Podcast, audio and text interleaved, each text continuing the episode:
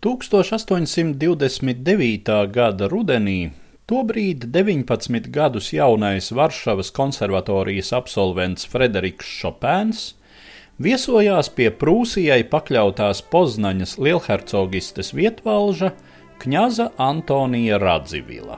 Iespējams, tā bija tikai draudzīga vizīte pie plaši pazīstamā mecenāta, ar kuru jaunais komponists bija iepazinies iepriekšējā gadā. Tomēr iespējams, Šopēna ceļojumam uz Poznaņu bija arī citi iemesli.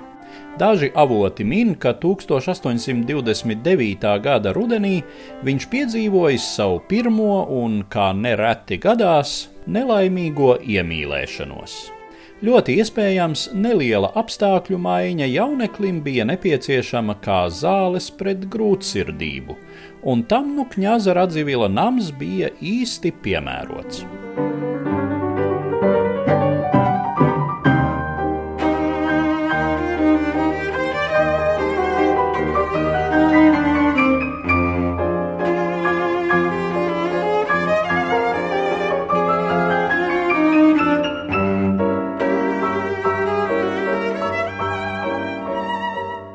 Kņazs bija ne tikai mūzikas mīļotājs, Beethovena un Gētes draugs, bet pats arī komponēja un lieliski spēlēja čellu.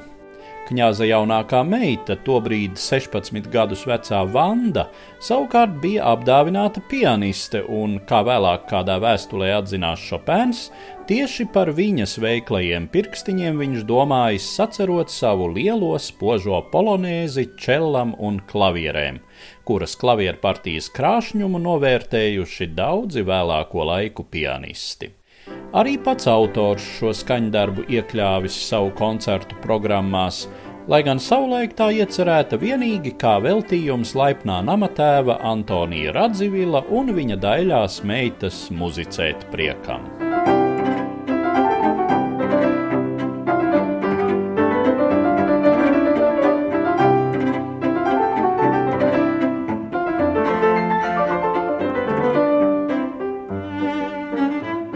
Nākamā 1830. gada rudenī Šopēns, plūcis klavieru virtuoza un komponista Laurus savā dzimtenē, devās iekarot Eiropu.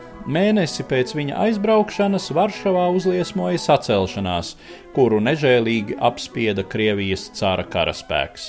Arī Prūsiju šī sacelšanās pamudināja likvidēt autonomiju tai piedarošajās poļu zemēs, Līdz ar to savu vietvalža titulu zaudēja arī Kņass Radzivils, kurš bija centies kalpot gan prūšu karalim, gan savu tautiešu interesēm.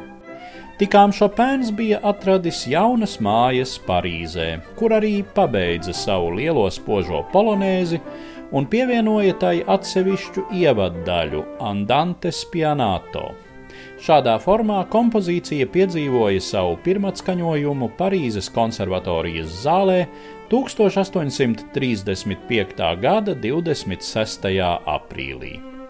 Liegā ievaddaļas melodija stilistiski kontrastē ar polonēzes jauneklīgo spāru un bravūru. Šķiet, komponists izjutis vajadzību iezīmēt jūtu un likteņa distanci, kas viņu jau šķīra no jaunības ziedoņa jūsmas.